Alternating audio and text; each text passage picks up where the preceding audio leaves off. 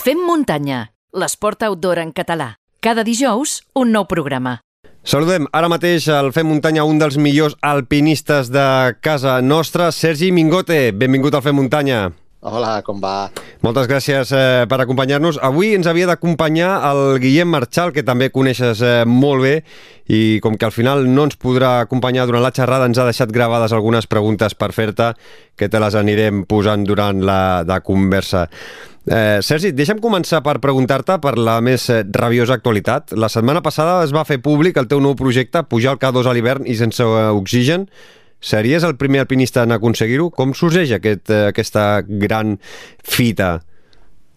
Mira, això la veritat és que, que aquest projecte ha nascut una miqueta d'una proposta, no? una proposta que m'han fet doncs, el, el que és el líder de, de l'expedició, el, el nepalès de que ells tenen allà doncs, una de les agències més importants del món, probablement, eh, Seven Summit, i, i bé, amb ells doncs, he estat fent diferents eh, expedicions i, i tenien clar doncs, que volien afrontar doncs, un intent seriós al, al K2 a l'hivern. De fet, el K2 doncs, encara manté aquella èpica doncs, de ser l'única muntanya dels 8.000 doncs, que queda per conquerir en, en època hivernal. Eh, S'han fet eh, sis intents des dels anys 80 i, i el màxim que s'ha pujat són a 7.600 metres, no? és a dir, que el cim encara queda molt amunt.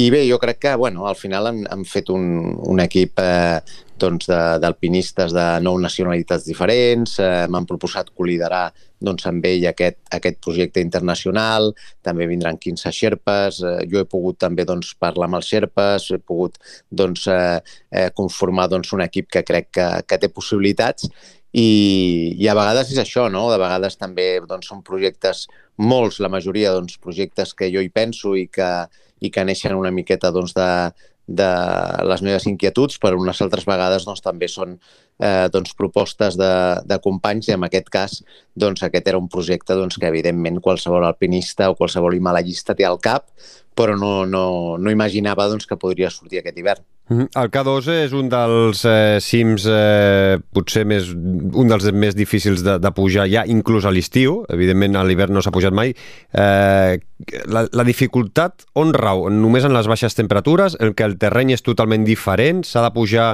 s'ha d'atacar el cim d'una altra forma eh, diferent amb la que es, es fa normalment amb millors condicions eh, meteorològiques? Bé, el, el K2 el, és, jo diria, dels 8.000, si és el 8.000 més compromès, no? Primer perquè és la segona muntanya més alta del món, uh mhm. -huh. però eh, perquè la gent doncs, que, que encén es faci la idea doncs, és molt més complexa que l'Everest, no? que jo he pujat dos cops i que, i que bé, té una ruta doncs, eh, molt més eh, natural, una ruta amb menys escalada. El K2 és una muntanya que això, primer té moltes seccions d'escalada, d'escalada pura, és a dir, d'escalada en roca, d'escalada mixta, eh, amb gel. Eh, és una muntanya molt més complexa doncs, eh, la, seva, la seva línia d'ascens i després és una muntanya, doncs això, meteorològicament, doncs que ja en època normal, en època estival, doncs té unes condicions extremes eh, de vent i de, i de fred, no? A l'hivern, doncs, tot això es multiplica, no? Jo ara fa pocs dies parlava amb l'Àlex Chicón, amb un company, doncs, que, que ell ho ha intentat, va intentar-ho l'any passat, un alpinista fort, molt fort, que és basc, i em deia, doncs, que havien tingut temperatures inferiors als 50 sota zero, vents superiors als, als 100, 150 km per hora, és a dir, que al final és una expedició extrema que, que bueno, per aquesta raó doncs, mai a la història s'ha pogut fer, no? és a dir, hi hi ha sempre alguns motius. Però bé, també és veritat que és un repte, doncs, això, no? un repte de primer i que només doncs, anar-ho a intentar jo crec que ja val la pena doncs, per, per viure una experiència única. Teniu data de, de, per començar aquesta expedició o encara no? Sí, sí, jo ja, mm, de fet, eh, tinc el visat i, i ja estic amb, amb el tema dels vols. Eh, si tot eh, va bé i aquesta pandèmia ens deixa, doncs jo volaré el dia 19 de desembre cap a, cap a, cap a Pakistà, cap a Islamabad, eh, per arribar el dia 20. Allà a Islamabad ens trobarem tota, tots els expedicionaris, amb tot l'equip, i, i anem a finals de desembre perquè al final volem que sigui doncs, això una invernal pura. No? Amb això hi ha molta, sempre ha hagut molta discussió sobre si eh, el mes de, a principis de desembre o ja dintre del mes de març si era hivern o no era hivern, nosaltres no hem volgut, volgut entrar doncs, amb, aquesta, amb aquesta dubte que pugui haver-hi sobre l'hivern més eh, d'estació, no? I llavors anem, ho fem amb, amb hivern pur, que vol dir que arribarem al campament base doncs, a principis de gener, en, en ple hivern, i marxarem doncs, a finals de febrer, que en un principi l'expedició acabaria el 28 de febrer, que és quan acaba l'hivern més meteorològic, no? Llavors, vol dir que, que serà un intent, un intent al K2 doncs, amb, amb l'hivern pur, que d'aquesta manera doncs, no hi ha cap dubte de, de que hi hagin interpretacions. Mm, l'actualitat més rabiosa parla d'un bitxo, eh, que, el Covid-19. Com creus que podria afectar a tants mesos de feina i com podria afectar a l'expedició? Bueno, si ho fa com ho ha fet amb el projecte 14 per 1000, que és el projecte Ara doncs, que, que jo tinc entre mans, doncs eh, pot afectar tot el que vulgui, no? És a dir, al final eh, jo aquest any tenia que anar a 4, 5, 8 mils, no he pogut anar pel, pel virus, és a dir, només vaig poder anar aclimatar a Xile. Just quan vaig arribar de Xile a, al mes de març, els tres dies doncs van confinar i l'únic que, que he pogut fer aquest any doncs, és l'Olympic Route, que he pogut atravessar Europa doncs, en bicicleta, pujant 20 cims, però va ser un, un projecte doncs, creat en plena pandèmia no? i és l'únic doncs, així esportiu que he pogut fer aquest any. Vull dir que eh, al final pots esperar qualsevol cosa. Eh, si em dius què és el que desitges o què és el que penses, home, penso que, que el mes de desembre les coses han d'estar millor, jo espero que no estiguin pitjor, si més no, i, i que ja no només per aquest projecte, sinó per tothom, no? per tantes famílies que ho estan passant malament i que, i que espero doncs, que al final d'any com a mínim doncs, sigui una mica millor que, que la situació actual. Marxes el 19 de desembre, però em sembla que ja fa unes quantes setmanes que estàs en plena preparació logística. Com, com es porta a terme una expedició d'aquest tipus? Eh, molt, què és el que més costa i què és el que més mandra et fa? Bé, al final una expedició com aquesta té, té moltes coses que probablement no es, no es veu, molt treball darrere que no es veu, no? És a dir, de fet, només se'ns veu quan estem a la muntanya, doncs disfrutant del nostre esport, eh, o patint, però eh, una expedició d'aquest estil té moltíssima feina darrere, eh, des de conformar l'equip, des de eh, muntar la logística, des de calcular exactament què t'emportaràs, des de calcular els pesos. Eh, aquest, a més, aquest projecte té un projecte solidari al costat, que portarem quasi bé 300 quilos de material de primera necessitat a, al poble baltí per passar millor l'hivern. Aquí també hi ha molta feina darrere i després una feina important també que és la de buscar els partners doncs, per, per poder cobrir doncs, els, els costos d'una expedició d'aquest estil. No? Eh, penso que, a veure, el treball mandra no em fa res, perquè al final ho faig, eh, això és la meva passió, ara s'ha convertit ja fa un temps en la meva professió i llavors doncs, ho faig amb molt de gust, però sí que és veritat doncs, que els mesos d'abans de qualsevol projecte doncs, són mesos de molta feina, també atendre els mitjans, eh, moltes reunions, moltes trobades, bueno, de fet, hi ha molta, molta... El dia, al final, és, està absolutament eh, atapeït i inclús hi ha dies doncs, que em costa trobar el forat per poder entrenar. Per això t'anava a preguntar jo ara. Avui no he pogut entrenar, sense anar més lluny. Avui ha estat impossible perquè he tingut tot el matí doncs, en videoconferències amb, amb marques, després he tingut entrevistes i, i, i ara que he arribat aquí a casa i, i estic parlant amb tu, no? És a dir, que, que al final avui, per exemple, ha sigut un dia que no, no he tingut doncs, ni un minut. Eh, doncs bé, demà tocarà jornada doble d'entrenament i seguir preparant les coses. Ara t'anava jo a preguntar això. Dic, la part física, com, com l'entrenes i, i a on l'entrenes? Mira, la part física, jo tinc una gran sort, que, que estic eh, doncs, dintre del, del centre del rendiment de Sant Cugat, estic com a com a esportista becat i llavors doncs, eh, em cuiden moltíssim. Jo només tinc eh, paraules d'agraïment per, pel CAR, no? És a dir, des de la Vicky Pons fins al Ramon Terrassa doncs, que, que està dirigint el centre mm, han tingut doncs, una sensibilitat especial per, per, per tots els projectes doncs, que he estat portant a l'Himàlaia. Eh, la veritat és que ha sigut com aplicar una miqueta l'alt rendiment a la muntanya i això m'ha donat la possibilitat doncs, de, doncs, per exemple, l'any passat doncs, acabar un projecte que era pujar sis muntanyes de 8.000 metres sense oxigen embotellat en un any, no?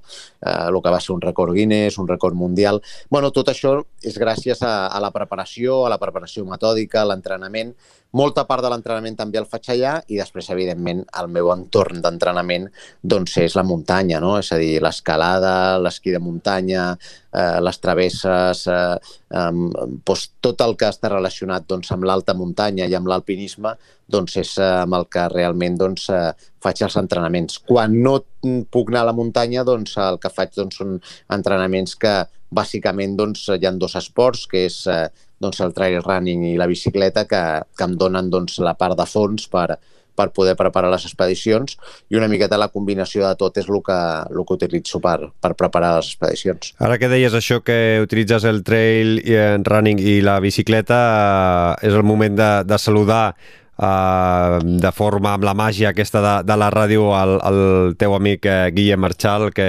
mm, té algunes preguntes eh, per tu. Hola Xavi, i hola, Sergi. Um, deixa'm que et faci un apunt, primer de tot. El Sergi no només és un dels millors alpinistes, sinó que jo diria que és un dels millors esportistes totals que podem trobar a Catalunya avui dia, perquè és capaç de tocar tots els pals i, a més, fer-ho amb qualitat i resultats òptims. Pots tirar-li el repte que vulguis, que ell l'agafarà al vol i te'l farà de manera excel·lent. Personalment no només el considero un bon amic mm, perquè és una persona extraordinària, sinó que és un referent a nivell esportiu i a nivell outdoor, per suposat. Uh, el primer programa de Fem Muntanya vam, vam tenir la sort d'escoltar l'entrevista que, que el Xavi li va fer a l'Emma Roca, que va ser super interessant eh, sobre tot aquest eh, Eco Challenge de les Fiji, que, que la veritat és que és brutal i espectacular, i, i ens va comentar en una pregunta concreta que, que li feia el Xavi, que en les proves per etapes l'aspecte físic era imprescindible, evidentment, eh, sobretot el primer dia, però que a partir d'allà eh, tot passava pel cap i el cor per aconseguir i assolir el repte de, de finalitzar aquella prova. Eh, per tu, en una expedició, que també vindria a ser mm, una prova per etapes, quina importància li donaries a cadascun d'aquests dos aspectes? Uf, bueno, Guillem, eh, abans de res agrair-te les paraules. La veritat és que, bueno, els que fem tantes coses, jo sóc dels que penso que, que toco una miqueta tots els pals i no toco cap bo. És a dir, probablement ara amb l'alpinisme sí que m'he especialitzat més, però bueno, sí que és veritat que jo crec que som els que més disfrutem, és a dir, de fer de, fer de tot, perquè al final doncs, coneixes el que són les sensacions de, de, de molts esports. No? Amb, amb una expedició, doncs mira, jo crec, a veure, jo he fet proves, de, com tu deies, de, per etapes, no? és a dir, Titans Deserts, eh, eh, projectes doncs, que, que eren de, de molts dies, travesses polars. Amb una expedició eh, penso que hi ha una part altíssima a nivell psicològic. El CAP probablement ha fet tornar d'expedicions a molts esportistes, a molts alpinistes molt forts físicament, però que no han aguantat doncs, això, set dies, vuit dies nevant, tancat en una tenda de 3 metres quadrats, eh, doncs passant fred, amb, de vegades passant gana. Eh, tot això al final és el cap, és a dir, quan estàs disposat a patir doncs, per poder tenir opcions de, de pujar una muntanya. No? I penso que, que és això, no? és a dir, evidentment la condició física és la que et dona poder fer un projecte doncs, amb un 8.000 amb oxigen, ai, sense oxigen. Jo crec que oxigen o no oxigen és el que marca, podríem dir, la diferència amb una expedició a una muntanya de 8.000 metres a nivell de rendiment esportiu, però que el cap sí que, evidentment, doncs, és un aspecte fonamental. Hi ha estudis inclús que diuen que hi hauria un 60 o un 70% de qüestió mental, psicològica i un 30% de qüestió física. No? Bé, jo no sé si aniria a, unes, a uns rangs tan extrems, però sí que estic d'acord que, que el cap probablement moltes vegades mana més que no les cames. No? Doncs uh, sobre aquest tema del de treball mental també té una altra pregunta al Guillem. Bueno, ara, ara ve una pregunta que pot semblar una mica corporativista, tenint en compte que tu i jo eh, vam compartir eh, la mateixa formació i que, i que compartim eh, la professió. Eh, M'agradaria saber, eh, tenint en compte eh, el món de l'esport, com està avui, amb el nivell d'exigència, eh, amb l'evolució que té actualment eh, a nivell de, de fites, de reptes, de resultats, d'exigència, Um, que, creus tu que, que avui dia és important o molt important comptar amb un, amb un coach esportiu o un psicòleg esportiu per tal d'incrementar les possibilitats d'assolir un repte o, o d'assolir una fita o d'assolir un cim uh, o, o simplement de, de millorar uh, com a esportista? Mm, tant a nivell amateur com a professional. Què, què en penses tu? Home, mira, jo crec que al final això ja és un... s'ha demostrat, doncs, i, i sense anar més lluny, a part de donar-te la meva opinió, et diré que, que el centre del rendiment doncs, compta amb tots aquests perfils. És a dir, que això vol dir que els esportistes del rendiment, sens dubte, doncs, tenen, a més del seu preparador, del seu dietista, de, dels seus fisios, doncs, tenen els seus coach, eh, els seus eh, psicòlegs, és a dir, que, que tot això suma i suma en positiu amb, amb, amb el rendiment esportiu. No? Jo, en el meu cas, doncs, eh, evidentment, eh, com tu deies, doncs, compartim doncs, aquesta formació i, i evidentment, doncs, jo he aplicat eh, molts, moltes de les de les pautes del coach esportiu doncs, al, als meus projectes, no? i penso que això m'ha ajudat moltíssim. Amb què m'ha ajudat? M'ha ajudat a planificar bé, a programar bé, a saber doncs, separar o dividir bé doncs, eh, els microesforços doncs, a l'hora d'un repte doncs, majúscul, allò de menjar-se l'elefant a trossets, perquè si no és complicat, no? I sobretot doncs, això, no? a poder endreçar molt bé el meu cap doncs, a, a, per extreure el màxim potencial al, al meu físic. No? Penso que és una eina molt útil i sobretot doncs, probablement és el salt qualitatiu doncs, que un esportista pot tenir per obtenir la seva millor versió. Mm -hmm. Sergi, eh, parlem eh, d'alguns dels teus projectes. Has dit que ara està aturat el projecte 14 per 1000 eh, Catalonia Project Pirineus Barcelona 2030, recordem que és un repte que consistia en pujar els 14 8.000 del planeta en menys de 1.000 dies, on l'actual mm. rècord mundial està en mans del coreà Kim Jong-ho, que eh, l'any 2013 va deixar la marca en 7 anys, 10 mesos i 6 dies. Ara com ho tens? Eh, l'any passat eh, vas pujar-ne eh, 4, em sembla que has dit? 4 5? Mm, sí, sí. I, I ara ho tens aturat? Sí, clar, ara tot aquest any, és a dir, jo, la veritat és que em vaig plantar pràcticament amb 440 dies amb 7. Sí, correcte. Eh, el, el, a l'octubre del, del 19 doncs vaig fer el setè, la cosa pintava molt bé, ja portava la meitat i portava, doncs, no havia arribat a 500 dies, és a dir, anàvem amb un ritme doncs, aconseguia fer-ho en, en mil dies. Evidentment, doncs, el, el Covid doncs, eh, ha portat a no res doncs, el projecte dels mil dies. Sí que és cert que al final era un número que jo em proposava, és a dir, penso que el, el valor important seria doncs, baixar la marca a l'actual rècord del món, no? que de fet és el rècord oficial de 7 anys i 10 mesos.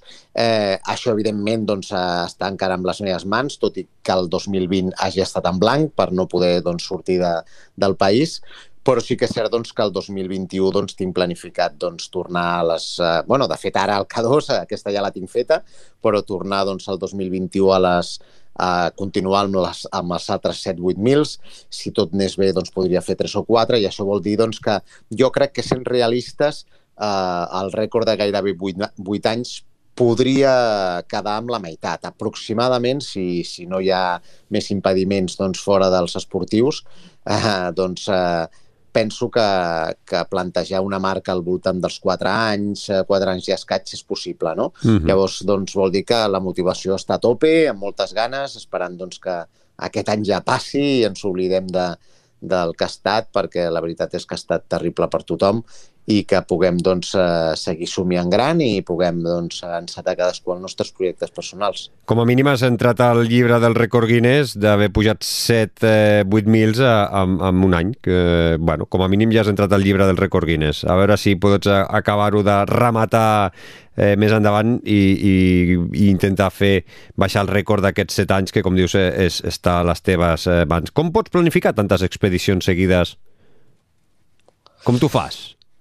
Home, la veritat és que eh, fins ara eh, sí, fisiològicament no, els metges deien que, que no era possible eh, doncs poder recuperar-se d'una expedició a una altra i, i llavors doncs, que no, no donava temps a que el cos es recuperés. Jo penso que al final el rendiment també ha demostrat que això sí és possible, eh, fent ascensos molt ràpids, eh, recuperant molt bé, cuidant molt bé l'alimentació, cuidant molt bé els descansos, sent molt ràpid amb, amb alçada, sobretot per tenir un desgast eh, doncs, més baix, mm, que, que, que és el que et, et, et dona doncs, estar molt, molt temps per sobre de la zona de la mort, per sobre dels 7.000 metres, i, i al final és això, no? És el, jo crec que s'han d'intentar projectes, el, el maco doncs és intentar projectes que no s'han fet mai, perquè al final doncs, també és anar evolucionant una miqueta l'esport, anar evolucionant també el rendiment humà, i en aquest cas doncs, eh, el que fa uns quants anys semblava impossible, doncs, com podia ser encadenar doncs, eh, 6-8 eh, mils en, en un any sense oxigen, doncs s'ha demostrat que és possible i estic segur que d'aquí uns anys doncs, hi haurà algú doncs, que anirà més enllà. I ara una pregunta potser d'ignorant. Eh, quan fas un, ataques un cim eh, com el K2, com l'Everest o qualsevol d'aquests eh, altres eh, cims de més de 8.000, Eh, quant, de, quant de temps pots estar per sobre de... O, quants, o quant temps tu estàs normalment per sobre dels 7.000 metres?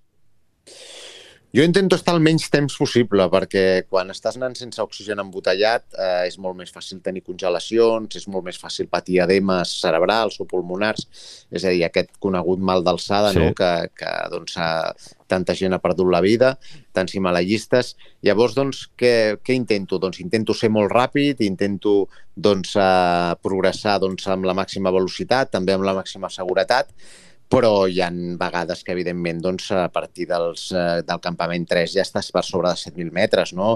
Ja, ja pots estar, bueno, jo he estat a vegades quatre dies eh, fent un intent de cim eh, doncs amb mal temps, dintre d'una tenda, arribant fins al campament 4, dormint inclús o descansant a 8.000 metres, eh, el poc que es pot descansar per fer un intent doncs, en una de les muntanyes altes.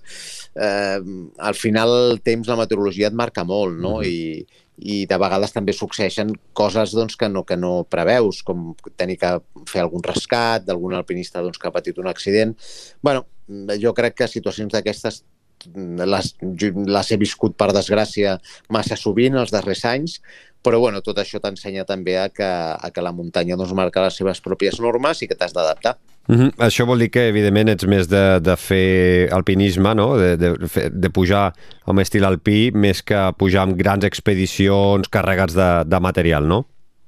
Sí, sí, normalment doncs això, intento anar sempre molt lleuger, eh, doncs amb, amb, molt poc, eh, amb molt poc pes, eh, intentant ser molt ràpid, no muntant tots els camps d'alçada. Per exemple, al Manaslu doncs, eh, vaig arribar un, 25, un 15 de setembre del 2018 al campament base i el dia 25 de setembre vaig fer cim, 10 dies. Això vol dir doncs, que només vaig eh, equipar dos camps d'alçada, l'1 i el 3, em vaig saltar el 2 i el 4, eh, vaig fer el primer ascens de, de la temporada. bueno, és un estil, doncs, això, no? com més ràpid, un, un estil doncs, que, que, com et deia abans, doncs, jo crec que hem aconseguit portar una mica el rendiment també a la muntanya. La clau també seria anar bastant aclimatat, és a dir, no fer l'aclimatació in situ, sinó fer-la abans d'anar-hi, no? És, és, és, seria sí, una de les claus, sí, sí. també. Sí, sí, sens dubte. És a dir, jo crec que tot el procés d'aclimatació que ja portis fet, doncs, eh, guanyes amb, amb, eh, amb velocitat i amb adaptació no? a l'alçada. Jo normalment, quasi bé tots els anys, marxo a Sud-amèrica doncs, a principis d'any, durant el primer trimestre, doncs, per fer volcans eh, doncs, de, de diferents països, últimament de Xile, eh, doncs, eh, per, per aclimatar bé a les alçades de 6.500, 7.000 metres, i això em dona la possibilitat doncs, de, d'anar bastant aclimatat doncs, als 8.000. No? Bueno, és un sistema que em funciona bé i que, i que la idea és seguir-ho fent perquè, perquè et dona la possibilitat de ja arribar bastant aclimatat a, a les muntanyes grans. Mm -hmm. Normalment, eh, als mitjans de comunicació eh, parlem quan un alpinista fa el cim, però en moltes ocasions les expedicions no, no arriben a, a, fer, a, a arribar a dalt, no? Eh, quina expedició recordes que fos realment dura i que vas haver de tirar enrere, ja sigui perquè les coses no, no anaven bé, per culpa de la meteorologia, i, i què et passa pel cap quan has de renunciar a fer cim? Bueno, al final jo penso que, que la renúncia és, és un aprenentatge més. No? A la muntanya està clar que t'ensenya molt a, a, doncs a, a renunciar, t'ensenya molt a prendre les decisions més adequades. és una escola no? d'aprenentatge a la muntanya. El fracàs al final està sempre, sempre t'acompanya perquè, perquè és molt fàcil el, el no pujar un cim d'aquestes dimensions. No? Jo recordo, per exemple, l'expedició al Lotse, a la quarta muntanya doncs, eh, més alta, més alta del món. Eh, la volia encadenar doncs, amb l'Everest, que hagués estat el meu tercer Everest, eh, baixant, doncs, eh, a més, vaig tenir, van caure unes pedres, em van fissurar una costella, però a més baixant, doncs, un, un company búlgar, doncs, l'Ivan Tomov va patir un edema cerebral, vam intentar fer un rescat, no el vam poder eh, baixar, va, va morir pràcticament a les meves mans i llavors va ser una experiència doncs, duríssima. No? És a dir, vaig tenir que renunciar, evidentment, a, a l'Everest, vaig, vaig marxar a casa perquè el meu cap doncs, eh, em deia que no tenia que seguir allà. No? Llavors, doncs, tot això t'ensenya també, t'ensenya que en depèn quins moments doncs, és millor renunciar que seguir si no estàs al 100% de les teves condicions, de pensar que hi ha doncs, qualsevol eh, cosa que no estigui alineada, qualsevol cosa que no estigui amb, amb el seu lloc a nivell mental, a nivell físic, doncs evidentment no, no et fa que no puguis plantejar una muntanya d'aquestes doncs, sense utilitzar oxigen embotellat i, i llavors doncs, el meu projecte evidentment doncs, eh, té aquesta premissa i, i, i la renúncia doncs, ha estat doncs, eh, eh, doncs, eh, també m'ha acompanyat amb algunes muntanyes. No? El Gasherbrum, per exemple, vaig fer el Gasherbrum 2, però el Gasherbrum 1 vaig tenir que renunciar, va agafar-me doncs, un, un temporal de vent i neu doncs, pujant al campament 3, estava sol, eh, em va costar molt baixar. Eh, bé, al final, això, totes aquestes eh, experiències, doncs, al final, fracàs eh, molts fracassos al final et poden conduir cap a, cap a un èxit, no? Uh -huh. Jo penso que al final doncs, tinc la sort de que la meva trajectòria està més, més plena d'èxit que de fracassos, però els fracassos també m'han ajudat molt a, a prendre les decisions més adequades. I després eh, aquestes eh, renúncies eh, t'ajuden a, a millorar en properes expedicions i també si t'ajuden a la teva vida del dia a dia, un cop estàs a, a casa. Sí, clar, t'ajuden moltíssim a tot. És a dir, jo penso que, que al final el que, eh, el que més disfrutes és l'èxit i el que més t'ensenya és el fracàs, no? Llavors, doncs, aquestes renúncies, que no deixen de ser fracassos eh, eh, doncs, a nivell esportiu, poden ser èxits eh, doncs, a posteriori, no? Evidentment, jo a la meva vida aplico molt del, del que he après a la muntanya, eh, jo crec que la muntanya és una escola també de valors i, i penso doncs, que, que això aplicar-ho a la vida doncs, és bo, no? perquè al final doncs, et fa valorar les coses, et fa valorar doncs, l'esforç, eh, eh, doncs, el sacrifici, la constància, el treball, i totes aquestes coses són les que et porten moltes vegades doncs, a, a tenir èxit, no només amb el teu esport, sinó a, a la vida. Mm. Ets diplomat eh, en, fun en funció gerencial per ESADE, màster en Administració Pública i coach esportiu i executiu per la International School of Coaching. Després de més de 20 anys realitzant expedicions d'alta muntanya i aventures esportives arreu del món, imparteixes conferències sobre les teves experiències, valors i coneixements i la pregunta és com apliques les teves experiències a les teves xerrades i a qui van dirigides aquestes xerrades? Mira, aquesta és una de les parts que més disfruto. Uh, ara, de, sense anar més lluny, mira, aquesta tarda m'has preguntat què he fet, doncs mira, he estat parlant amb, amb, uh, amb Vitoria, amb Euskadi, eh, doncs que probablement d'aquí unes setmanes doncs, aniré a fer una conferència. Eh, faig conferències per tot l'Estat, eh, també ara doncs, videoconferències o conferències doncs, amb altres països. L'última vaig fer en Colòmbia. És a dir, al final és una de les parts que més disfruto perquè em dona la possibilitat de conèixer moltes persones i de transmetre també tot allò que he après a la muntanya. No? Va dirigida a tot tipus de persones. És a dir, jo faig conferències des de centres escolars, des d'educació secundària, de parlant dels valors de l'esforç, eh, de la, de, parlant de, de la constància, de, del per què doncs, hem, de, hem de practicar esport, fins a empresa, que, que faig eh, xerrades i conferències de lideratge, de pressa de decisions, eh, d'organització, de, de treball en equip, i després doncs, conferències molt més esportives, no? ja siguin centres excursionistes, ja siguin convencions, ja siguin congressos, doncs que, que presento doncs, els meus projectes. El darrer que estic presentant és a Pulmón, que, que també vaig fer una publicació i que parla doncs, de l'ascens doncs, aquestes sis muntanyes de 8.000 metres, però que paral·lelament doncs, explica sis accions solidàries que vam fer doncs, amb, amb associacions inclusives que promouen eh, la inclusió mitjançant l'esport. No? Penso que que és una de les coses més maques, que, que em dona la possibilitat de, de transmetre tot allò que m'ha ensenyat la muntanya i que i també és una manera maca doncs, de, de compartir doncs, amb els altres. Uh -huh. uh, si no et dediquessis a l'alpinisme o ara haguessis de deixar l'alpinisme, amb quin esport et quedaries? Perquè ja hem escoltat uh, el, el Guillem, que, que, que ets un... Que dona igual, que l'esport que et tirin i, i el remates, amb quin et quedaries? El trail running, la bicicleta, també fas Ironmans, eh, alguna cosa més que no sapiguem que, que t'agrada i que... Perquè has, has fet ultras de, de resistència... Sí, amb què et sí. quedes? Bueno, he fet una miqueta de tot. Sí, sí. A mi, jo diria que em quedaria en qualsevol esport que estés relacionat amb, amb, amb la resistència, no? És a dir, jo les meves qualitats físiques, jo no, no, no, no tinc fibres ràpides, no sóc velocista, és a dir, sóc més dièsel, eh, funciono mentre més hores és l'activitat, doncs millor funciono i qualsevol activitat, ja sigui amb la bicicleta, ja sigui ultramans, eh, doncs proves d'ultradistància, jo diria que és el que, el que més m'agrada, no? És a dir, de fet, intento compaginar-les doncs, amb, amb el meu esport eh, doncs, professional, que és la muntanya, però però jo crec que, que en qualsevol esport doncs, que estigui relacionat amb l'ultradistància, amb, amb la resistència, eh, doncs eh, m'agrada i, i segur que, que hi trobaria, doncs, eh, doncs em trobaria gust. -huh. Mira, ara una pregunta del, del Guillem Marchal. Eh, divendres passat, eh, gràcies a la gent de, de Limbus, teníem l'oportunitat de parlar amb el Chris Sharma, un dels millors escaladors del món. I, i en un moment concret ens parlava de l'amistat, eh, de fer reptes acompanyat eh, i envoltat de persones afins, i, i com aquest és un factor determinant per, per la consecució de, de l'èxit o, o per l'assoliment o conquesta de qualsevol repte que es plantegés. Eh, M'agradaria saber tu què en penses al respecte i, i, i si també és un factor important en els teus reptes.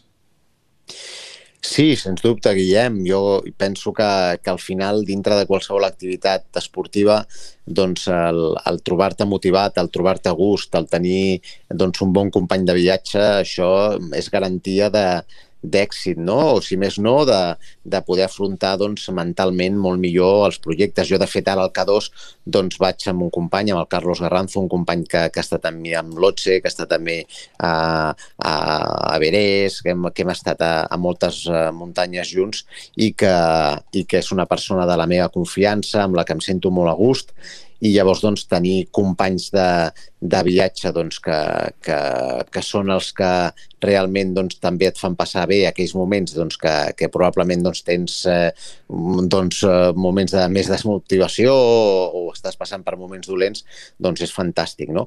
En tot i això també et diré doncs, que moltes muntanyes les he fet sol no? i que eh, trobar-me amb mi mateix i aquells moments de solitud també els disfruto. És a dir, jo penso que, que s'ha de saber disfrutar de la companyia, però que també és bo saber doncs, disfrutar d'aquells moments de soledat. No? És a dir, vaig fer alguna he fet alguna expedició sol, també doncs, perquè, perquè creia que en aquells moments doncs, era el que em demanava més el cap i el, i el cos, i, i també s'ha pogut disfrutar d'això. No? Probablement no disfrutes tant el dia a dia, però sí que, sí que també veritablement t'ensenya doncs, a, a superar moments complicats. Totalment d'acord. Uh, Sergi, en la teva llibreta et queden molt més eh, reptes i moltes més expedicions per fer? O...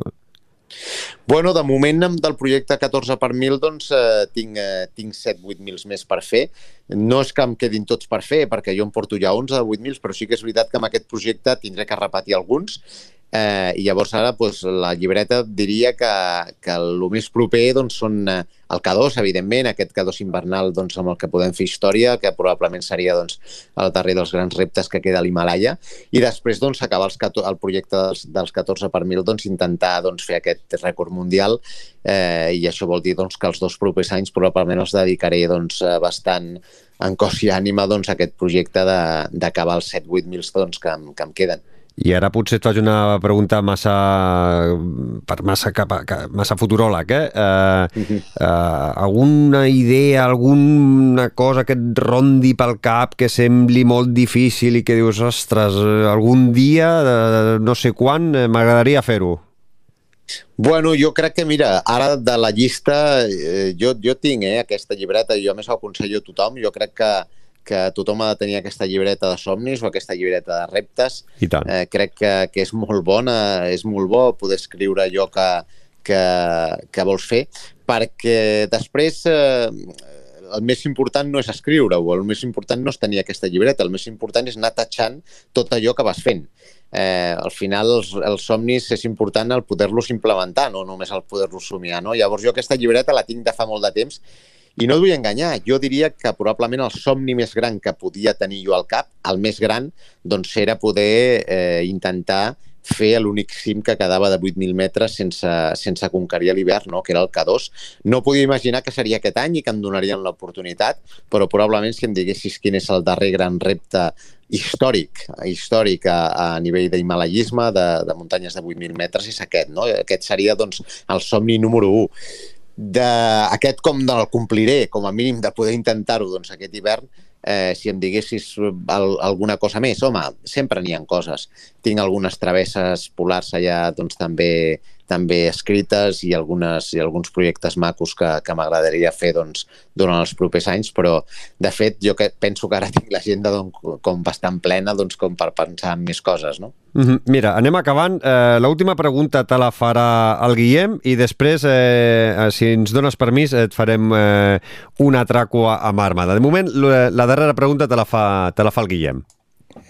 Una pregunta que, que la veritat és que, que fa temps que tenia ganes de fer-te i, i, i que és possible que no et sorprengui perquè tenint en compte que ens vam formar junts en tot aquest món del coaching i, i, i que i que compartim la passió per l'esport i per l'esport outdoor sobretot, és que, que m'agradaria que te n'anessis eh, mentalment en aquell moment en el que vas començar amb, amb tot això, amb tota aquesta història, amb tota la teva vinculació amb l'esport outdoor i amb aquests reptes eh, que fas i que, que són brutals, i, i m'agradaria que em diguessis quin era el teu propòsit de vida i si creus que aquest propòsit que tenies segueix sent actualment el mateix o, o, o ha evolucionat, ha canviat, ha mutat d'alguna manera, què, què me'n podries dir?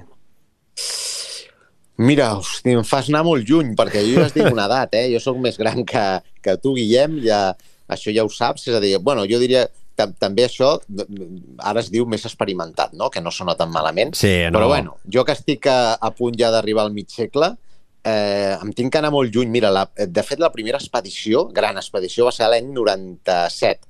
El meu primer 8.000 a l'any 98, al Choyo, la sisena muntanya més alta del món.